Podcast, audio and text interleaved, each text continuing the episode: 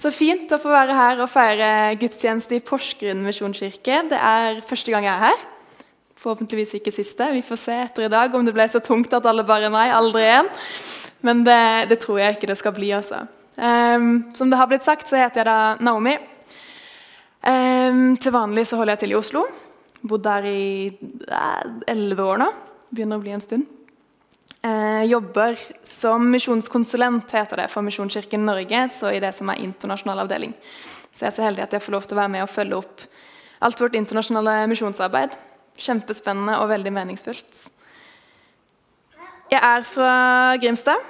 Vokste opp i Grimstad misjonskirke. Jeg tenkte De har Tore som pastor, så de tåler litt sørlandsdialekt. Selv om min er ganske utvaska. Men jeg vet at jeg har en tendens til å snakke litt fort. Så hvis det skjer, så får dere gi meg et tegn og si 'ro det ned litt', så vi henger med. Jeg er ikke bare sørlandsk, jeg er også halvt engelsk. Pappa er fra, fra England. Han og mamma de møttes i Kenya, av alle steder.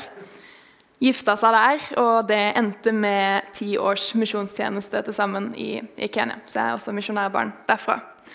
Så jeg ble tidlig, tidlig eksponert for, eh, for urettferdighet, for en verden der det finnes de som har i overflod, og de som mangler. Etter vi kom hjem fra Norge, eh, til Norge, så har eh, min mor i alle år jobba i kvalifiseringstjenesten. Det er tidligere Flyktningkontoret, heter det. så jobber med integrering av flyktninger. Så opp gjennom oppveksten så har jeg også fått lov til å være med på mye hjemmebesøk, og vi har vært vennskapsfamilie for enslige mindreårige. Har på den måten fått lov til å møte mennesker fra veldig ulike bakgrunner, ulike kulturer og blitt kjent med, med, deres historie og hvorfor det endte med at de måtte rømme til Norge. Og det, det, gjør noe med deg. Det har skapt et veldig engasjement i meg og et veldig hjerte for mennesker og situasjonen de befinner seg i. Jeg tror vi sier at det er nok om meg. Hvis dere vil bli bedre kjent, så kan dere heller hyke tak i meg på kirkekaffen etterpå. For det er ikke meg vi skal snakke om. Jeg er her fordi det er global uke. Og det er, som det også ble sagt i filmen tidligere, rett og slett en sånn felleskirkelig markering mot moderne slaveri. Så det er kirker og menigheter over hele Norge som denne uka på ulike måter belyser eh, moderne slaveri, ulike former for utnyttelse, og hva vi kan gjøre som enkeltpersoner og som trosfellesskap for å bli en del av løsninga. Og det her er et tema som det river i meg. Det har blitt en av mine hjertesaker. Og så er det veldig vanskelig å snakke om, for det er en så brutal virkelighet.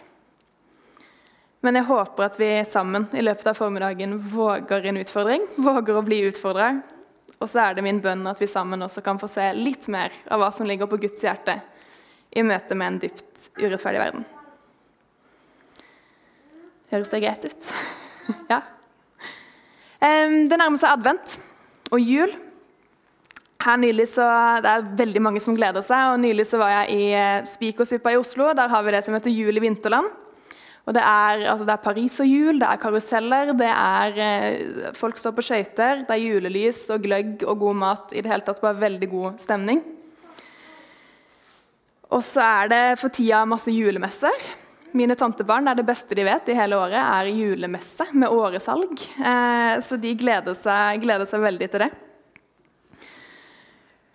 Og det er en sånn barnslig juleglede og en forventning som ligger i atmosfæren når det nærmer seg jul og advent.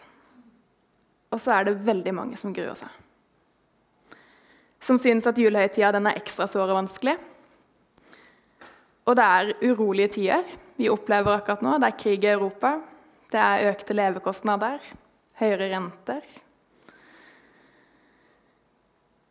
Og det skaper mye bekymring. Mange sliter med å betale regninger, og flere, og flere trenger hjelp med å bare få kjøpt mat og klær i Norge. Og det gapet mellom de store forventningene som da er til jul, og hvordan vi kanskje egentlig har det, det kan oppleves veldig stort. Og det gapet der, det er det krevende å stå i. Får vi egentlig råd til julegaver i år? Blir det noen å feire sammen med? Skal jeg prioritere strømregninga, eller skal jeg kjøpe en julemat? Eller kanskje er det gaver til barna som er det viktigste i år? Så kan det være vanskelige relasjoner, sykdom, vond ensomhet eller et sterkt savn etter noen vi er glad i, som melder seg når det nærmer seg jul, fordi advent er tross alt en tid for ettertanke. Men midt i det mylderet her, da, som kalles livet, i den gleden og sørgen, i oppturer og nedturer, i hverdag og fest, så blir et Jesusbarn født. Og det skal snu alt på hodet. For det er et budskap som sier det at du, du er så inderlig høyt elska. Det fins ikke en grense Gud ikke er villig til å krysse for å nå nettopp deg. Og så er det en invitasjon. Kom, følg meg. Og hva betyr egentlig det i denne sammenhengen der? Akkurat det skal vi komme tilbake til litt seinere. Først så vil jeg dele en historie med dere. Ta dere med til en julaften for eh, tolv år siden. Det er eh, min første jul borte fra hjemme. Jeg var 19 år, eh, på utveksling til Uganda det skoleåret. Og Da det nærma seg jul, så fikk jeg og ei venninne muligheten til å bli med et team fra Norge som skulle stelle i stand en julefeiring for noen jenter på et barnehjem i Kongo. Det er da Den demokratiske republikken Kongo. Området vi skulle til, det mm, var en konfliktsone. Og det bar tydelig preg av å være herja. Det var minimalt med varer og mat å få tak i. Det var eh, som jeg husker det, en, en svær flyktningleir der, en FN-flyktningleir. Og en stor soldatleir. Så kommer vi dit, og så blir vi møtt av noen helt fantastiske, livlige jenter fulle av energi, så klare for å leke. Og De var akkurat som barn flest, men de jentene der de bar på veldig sterke historier. Flertallet av de var eh, voldtatt av soldater. Og dette er et område der voldtekt ble strategisk brukt som et svært effektivt krigsvåpen. Det gjøres det dessverre fortsatt i de fleste konfliktsoner i dag. Og det, det var snakk om jenter helt ned i treårsalder. Så er det barn som er utsatt for ting ingen barn noen gang skulle vært utsatt for. Og man sitter med så utrolig mange spørsmål i møte med den virkeligheten der som 19-åring. Hva er det som egentlig foregår her? Hva er det konflikten går ut på? Så jeg spurte en dag en av de lokale lederne om kan du være så snill prøve å forklare for meg hva som skjer her. Og Det var da at han tok oss med til eh, en innsjø i nærheten. Dette var på julaften. Og Så peker han over på andre sida, og det var ikke langt vi kunne se over, og forklarer det at akkurat nå så er det der de hardeste kampene foregår. Og det er, eh, det er ulike grupper som kjemper mot hverandre, og de kjemper om å ha kontroll over naturressursene. Og Der borte på andre sida der har vi veldig mange gruver. Har du hørt om koltan? spurte han. Jeg rista på hodet. Jeg hadde ikke det da. Han fortalte det at koltan er et mineral som er veldig ettertrakta på verdensmarkedet fordi det bl.a. brukes i alt av mobiltelefoner. Og I de gruvene der borte så tvinges barn og voksne til å jobbe dag ut og dag inn under helt umenneskelige forhold for å hente ut de naturressursene. Og jeg glemmer det aldri. Det knøt seg så i magen min fordi jeg sto der langs kanten av den innsjøen med min egen mobil i hånda og tenkte jeg aner ikke hvor metallet i min telefon kommer fra. Jeg har aldri ofra det en tanke. Og enn om det skulle vise seg at dette er virkeligheten som foregår på andre sida av den produksjonskjeden. Den jula der i Kongo det skulle for meg bli startskuddet på en lang, ubehagelig reise inn i det som har med moderne slaveri å gjøre. Og det har vært en veldig vond virkelighet å ta inn over seg.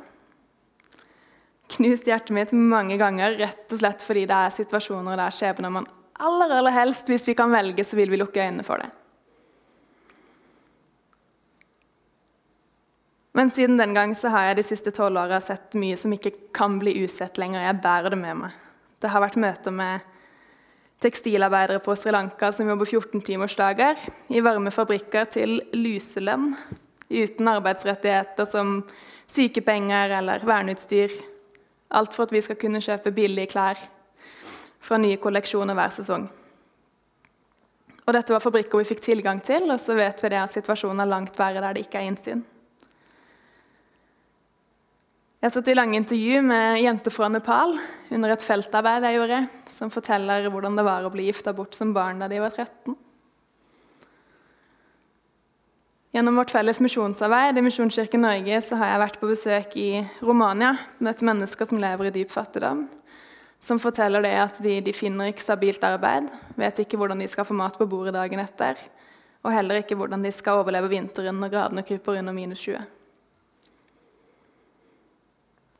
Så har jeg gått i samme kirke i Oslo med jenter der det viser seg at når du blir litt bedre kjent med de, så har de en bakgrunn fra sexindustrien i Norge.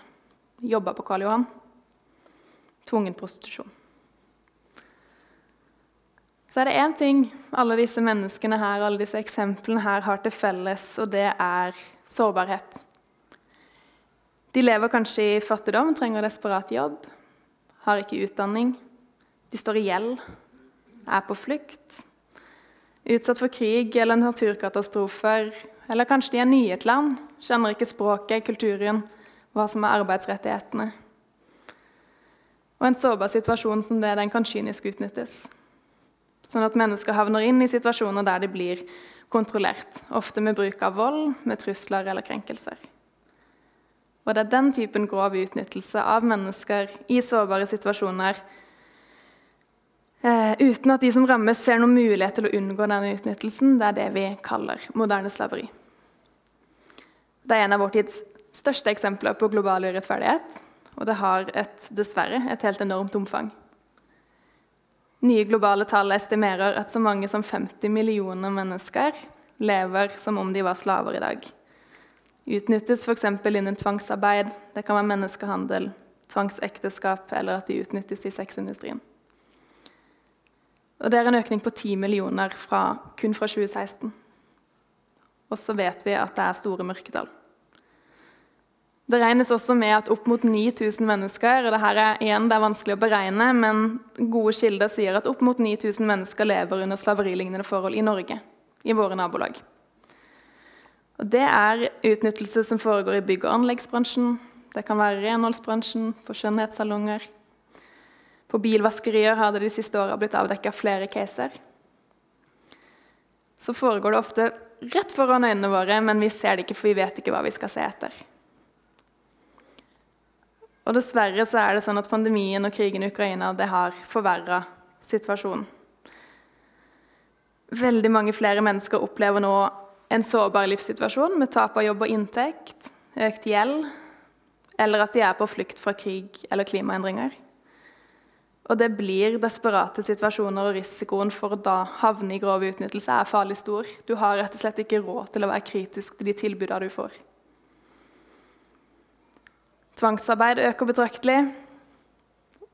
Og migrantarbeidere har over tre ganger større sannsynlighet for å havne i tvangsarbeid enn voksne arbeidstakere. Altså andre voksne arbeidstakere.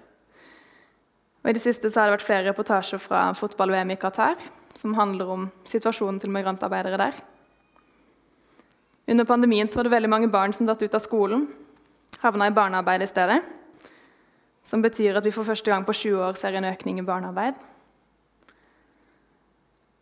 Og Pandemien førte også med seg av alle ting, en økning i nordmenns besøk på pornonettsider. Og det er en industri som har veldig tett kobling til menneskehandel og til moderne slaveri. Det er noe vi ikke liker å snakke om.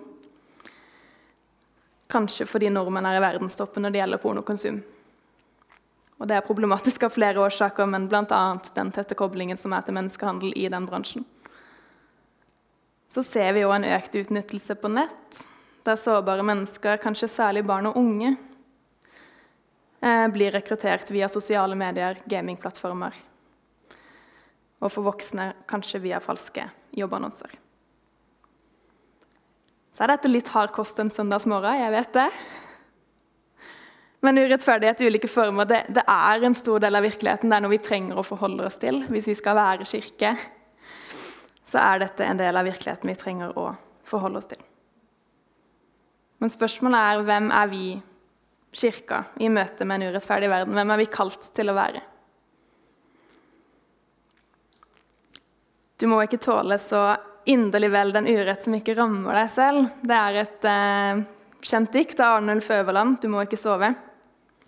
Så er det pastor i en av frikirkene i Oslo, Kjetil Gilberg. Han har vridd om på den setningen, og så utfordrer han oss med Vi må ikke godta så inderlig vel den urett som gagner oss selv. Vi må ikke godta så inderlig vel den urett som gagner oss selv. Dessverre er det sånn at vi ofte uvitende tjener på at systemet er urettferdig. Det at noen ikke får den lønna de skal ha, det gjør at vi kan få billige varer og tjenester i Norge.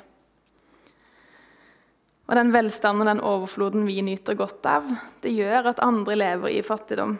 I Norge så har vi et overforbruk. Det er verken bærekraftig eller rettferdig. Og dette med urettferdighet er ikke lenger noe vi kan peke på som et problem hos andre, noe som foregår der ute i verden et sted. Vi ser mer og mer hvordan alt henger sammen i et system som skaper økt ulikhet mellom mennesker. Og den måten vi lever våre liv på, de valgene vi tar, er en del av det bildet. Og Våger vi Våger vi å se den sannheten i øynene, eller snur vi oss bort fordi det blir bare for ubehagelig? Jeg syns dere er modige som har turt å komme på gudstjeneste i dag når dere visste hva temaet var. Et godt eksempel på at man tåler litt ubehag. Men jeg delte innledningsvis at det har vært en vond reise, en vond virkelighet å oppdage. Det er så lett å bli motløs, tenke at det ikke nytter, at det er for omfattende og håpløst. Parallelt med det så har jeg heldigvis også fått oppdage mer og mer hvor mye rettferdighet ligger på Guds hjerte. Hvor sterkt han identifiserer seg med de mest sårbare blant oss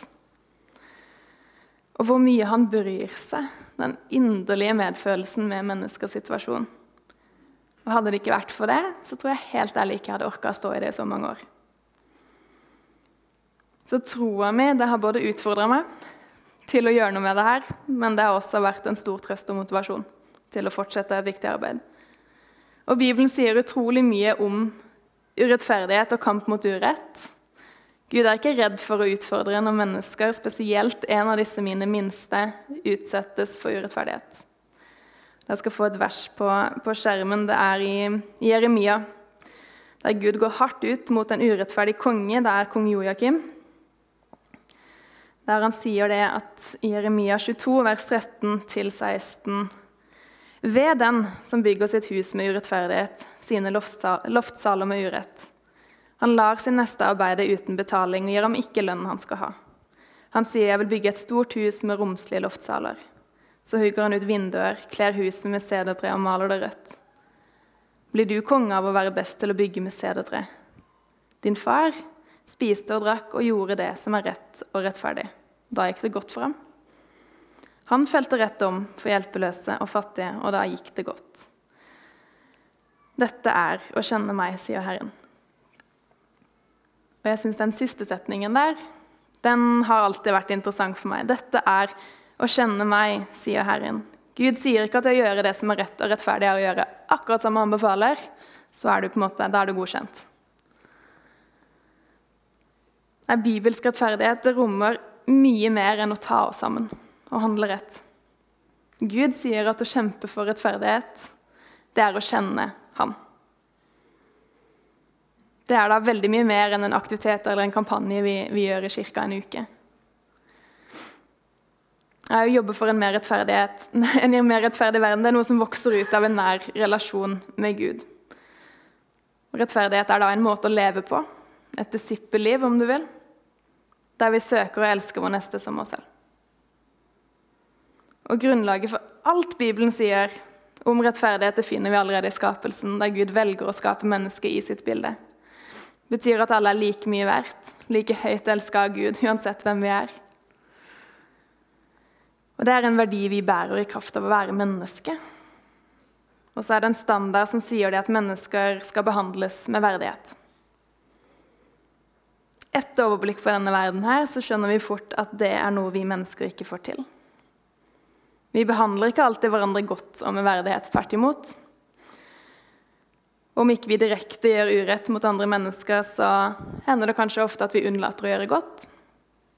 Eller at vi lar urettferdige systemer få eksistere. Eller kanskje vi fristes av likegyldigheten. Hvorfor skal jeg bry meg egentlig? Jeg har ikke noe å si hva jeg gjør, utgjør ingen forskjell. Urettferdigheten er for omfattende. Nytter ikke. Og Det tror jeg er en klassisk respons alle vil kunne kjenne seg igjen i før eller siden. Og Det minner meg om en bibelhistorie som står i Markus evangeliet. Om en gang Jesus har sagt til disiplene sine at kom, nå går vi til den andre siden, så vi kan være alene og hvile litt. Eller vi går til et øde sted der vi kan være alene og hvile litt. Så de går i en båt, og de kjører over til andre sida. Men idet de kommer på andre sida, så er det en hel folkemengde som har samla seg. Og de er absolutt ikke alene. Så står det at Jesus han ser på folkemengden, og så får han inderlig medfølelse med det han begynner å undervise. Og Jeg kan bare se for meg den skuffelsen og den kanskje frustrasjonen fra disiplene som er innstilt på å kunne få lov til å være alene litt og hvile. De har hatt tett program, de har hatt mye å gjøre i det siste. Og denne folkemengden her med alle sine behov er det stikk motsatte av det de ble, var innstilt på. Jeg hadde i hvert fall blitt frustrert hvis det var meg. Og Utover dagen så oppstår det en utfordring fordi mengden trenger mat, og de er på et øde sted uten noe å spise. En sulten flokk på 5000 menn pluss kvinner og barn det er noe disiplene egentlig ikke orker å forholde seg til. Så de representerer en, en god løsning for Jesus. Send de fra deg, så de kan gå og ordne mat til seg sjøl. Jesus har litt andre planer, nok en gang. Og han sier det at nei, dere skal gi dem mat. Og Disiplene de ser det omfattende det behovet. De ser alle som er sultne, og så ser de alt de ikke har. Vi har ikke tid. Vi har ikke krefter. Vi har ikke nok brød, og vi har ikke nok penger til å kjøpe nok brød til alle sammen. Har ikke, har ikke, har ikke. Og er det ikke ofte sånn vi òg reagerer når utfordringene rundt oss oppleves for omfattende? Send, send de bort fra oss. Send de bort. Vi har nok med oss sjøl. Vi har ikke det som trengs for å møte dette behovet her. Men Jesus spurte ikke etter hva de ikke hadde. Han spurte, 'Hvor mange brød har dere?' Gå og se etter. Og Det tror jeg oppriktig vi også trenger å gjøre i møte med behovene rundt oss. Ikke fokusere på hvor omfattende det er, og alt vi ikke har, men faktisk gå og se etter hva har vi Hva har vi fått? Så tror jeg Gud kan velsigne det lille vi har, og da har det en tendens til å bli nok. Jeg var nylig på besøk hos vår eh, polske søsterkirke i midten av oktober. Og øst i Polen så har de noen menigheter som ligger helt på grensa til, eh, til Ukraina. Det er små menigheter, få ressurser, få folk. Den ene hadde kanskje rundt 30 medlemmer, stort sett eldre mennesker. En annen på, på 50, inkludert barn og unge. Og så bryter det ut krig, og de blir liggende så tett på grensa at det kommer jo en, en flyktningstrøm. Og det er så mange behov. Og de, de, fortalte det vi ba til Gud, og lurte på hva, hva kan vi gjøre, hvordan kan vi hjelpe. Og det ble lagt på hjertet deres til flere av disse, disse menighetene etablere et mottak. Gjør, gjør om menigheten, ta, ta imot folk som, som, trenger det, som trenger et trygt sted å sove. Og de sa at ja, det er vel og bra, men her ligger ingenting til rette. Vi har ikke det som trengs for å ha et mottak med masse folk som kommer inn. De trenger mat, kaffe, sted å sove, eh, hygieneartikler. Alt som trengs for å få det til å rulle og gå, var ikke på plass. Men i stedet for å fokusere på det, så tenkte de ok, hva har vi? Vi har noen privatbiler, vi kan kjøre shuttletrafikk til og fra grensa. Og så satser vi på at resten ordner seg. Og de har så mange sterke historier å fortelle om bønnesvar, om busslass som bare dukker opp ut av det blå med håndklær og hygieneartikler. Så de fikk gjort om menighetene sine og fungerer fortsatt som mottak. Tar imot flere familier som trenger noen dagers hvile før reisa går videre. Den ene lille menigheten på rundt 30 stykk har tatt imot 600 flyktninger. Den andre på 50 har tatt imot 1000. Og det fortsetter. Og så er det veldig sterke. Det er rett og slett mirakler som har skjedd der under julekampanjen. så nå i desember så kommer dere til å få høre flere av de historiene fra Polen om hva Gud har gjort i og gjennom menighetene der. Men det kommer jo rett og slett av disipler som er villige, som sier at ok, det er mye vi ikke har, men dette har vi.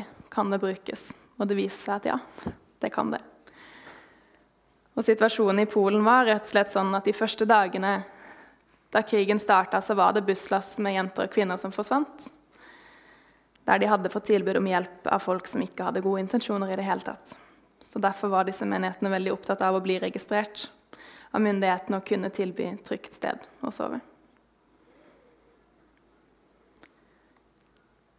Det å elske vår neste, det å handle til det beste for våre medmennesker, det er, det er lettere sagt enn gjort. Og det er en standard vi sliter med å leve opp til. De gode nyhetene de er da at Gud går oss i møte, og han sender Jesus i vårt sted når vi ikke strekker til. Det er et vers som også kommer på skjerm, som står i Isaiah 53, vers 5-6, hvor det står at Men han, Jesus, ble såra for våre overtredelser, knust for våre misgjerninger. Straffen lå på ham for at vi skulle ha fred, og ved hans sår har vi fått legedom.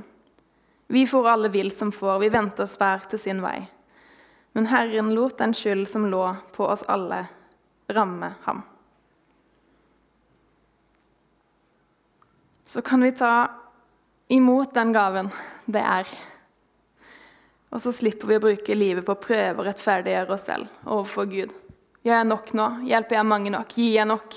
Hvem er min neste egentlig? Du kan ikke mene alle. Men, men hva med disse ti? Er det, er, det, er det, godkjent?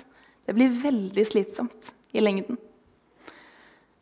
Og det blir en sånn form for religion der vi strever og strever med å prøve å nå opp til en standard vi aldri kommer til å nå opp til. I stedet så har Gud sendt Jesus i vårt sted, så får vi ta det imot. Så får vi leve livet her på jorda med utgangspunkt i at vi allerede er elska, allerede er tilgitt. Og prøve å møte våre medmennesker med samme nåd og samme kjærlighet som vi selv har blitt møtt med. Og det er et helt annet utgangspunkt for et sånn type engasjement som det her. Så viser Jesus oss i praksis hvem vi er kalt til å være i møte med en urettferdig verden, hva vi er kalt til å gjøre. Han reagerte på urett. Han sa tydelig ifra. Han tok seg tid til å stoppe opp hos fattige, syke, Mennesker som var sett ned på og tilsidesatt i samfunnet. Så tok han seg tid til å bli kjent med dem, se dem, behandla dem med omsorg og verdighet. Og han talte deres sak. Så var Jesus veldig tydelig på hvorfor han kom. Det står i Lukas 4,18, kommer også på skjerm. Herrens ånd er over meg, for han har salva meg til å forkynne et godt budskap for fattige. Han har sendt meg for å rope ut at fanger skal få frihet, og blinde få syn igjen. For å sette undertrykte fri og rope ut et nådens år fra Herren. Og så sier han, 'Kom, følg meg.' Som far har sendt meg, sender jeg dere.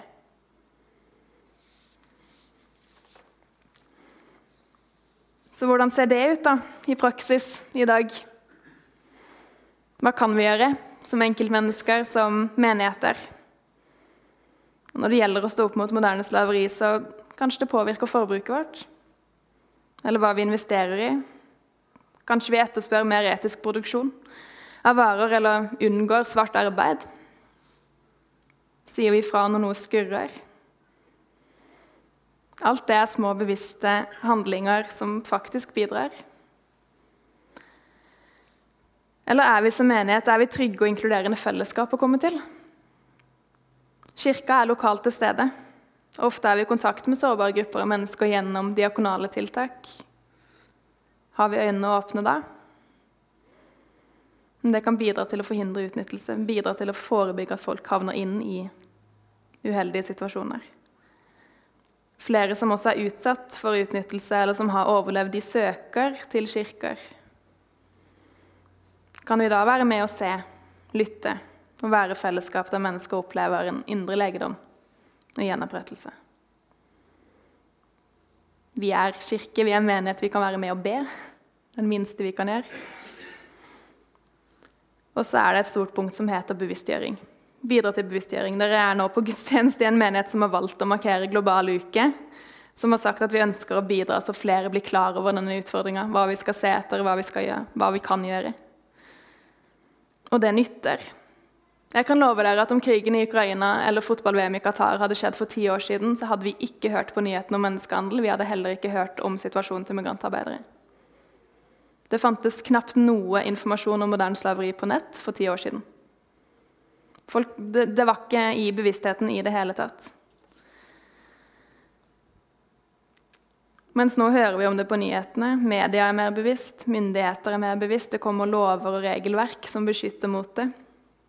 Det finnes egne organisasjoner som jobber med det. Og pga. alt det her, og fordi folk etterspør, sier at det er ikke greit, jeg ønsker at de klærne jeg går med, skal være produsert etisk. Det skal være lønn å leve av, det skal være arbeidsforhold som er gode. Og pga. nok press der, så har vi fått det som heter åpenhetsloven. Den ble trådt i kraft 1.7 i år.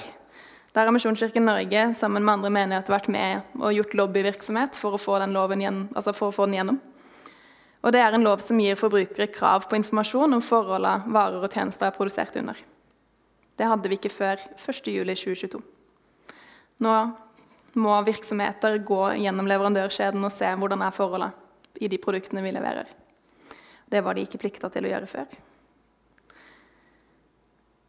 Og så skal vi ikke glemme at vi står i en større sammenheng, og at vi gjør allerede veldig mye gjennom vårt fellesarbeid.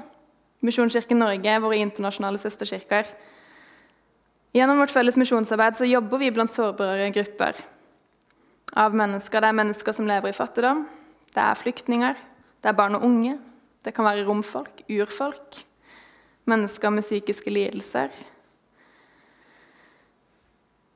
Mennesker som på ulike måter faller utafor jobber vi for å bedre situasjonen til gjennom vårt misjonsarbeid. Og når vi vet at fattigdom, korrupsjon, konflikt, sårbare livssituasjoner er grunnårsaker som fører mennesker inn i utnyttelse, inn i moderne slaveri, det er mye av det misjonsarbeidet vi driver sammen, det er forebyggende. Og det er kjempeviktig. Og så er ikke det en engangsgreie. Nå gjør vi et krafttak denne uka, global uke check. Nei, misjon det det er vår dypeste identitet. Vi er misjonskirker. Og vi er sendt til en dypt urettferdig verden med et budskap om frihet for alle mennesker. Og akkurat det, det er en reise der likegyldighet og grådighet og egoisme stadig utfordres. Det kan jeg skrive under på selv. Like fullt er det en reise full av nåde og full av håp. For det nytter. Det skjer ting. Det er en positiv bevegelse i det her. Så kom, følg meg, som Far har sendt meg, sender jeg dere. Til slutt så skal vi be en, en fellesbønn. Jeg har ikke for vane å be sånne nedskrevne bønner, men denne er skrevet for globale uker, og jeg syns den er veldig fin. Det er en diakon i Svenskekyrkan i Oslo som har skrevet um, årets bønn. Og så syns jeg det er fint å tenke på at veldig mange andre menigheter over hele landet ber akkurat denne samme bønnen denne uka. Vi ber. Gode Gud, himmelske Far, venn og hjelper. Vi takker deg for alle gode gaver du gir oss i dag og hver nye dag. Liv, fellesskap, tro og håp. Takk for den store gaven framtidshåp. Vi ber om at du gjør oss oppmerksomme på ditt nærvær i alt som er, i hvert menneskes liv her i vår by, her i vår verden. Lys opp mørket, slik at ondskapens gjerninger blir synlige for alle. Led oss i din retning, til sunnere relasjoner med hverandre og i retning av en mer rettferdig verden. Vi ber for alle som lider, alle som rammes av urett, krig og ødeleggelser. Vi ber for alle som lever i undertrykkelse, og som blir utnytta. For alle som lever som om de er slaver. Vi ber for deres hverdag, deres dager og netter. Takk for at du aldri forlater en eneste en av oss. Vi ber for alles rett til å be, om trygghet i bønnen. Vi ber om visdom og inspirasjon til å gjøre vår del for å forebygge utnyttelse stanse menneskelig lidelse og fremme rettferdighet for alle mennesker. I Jesu Kristi navn. Amen.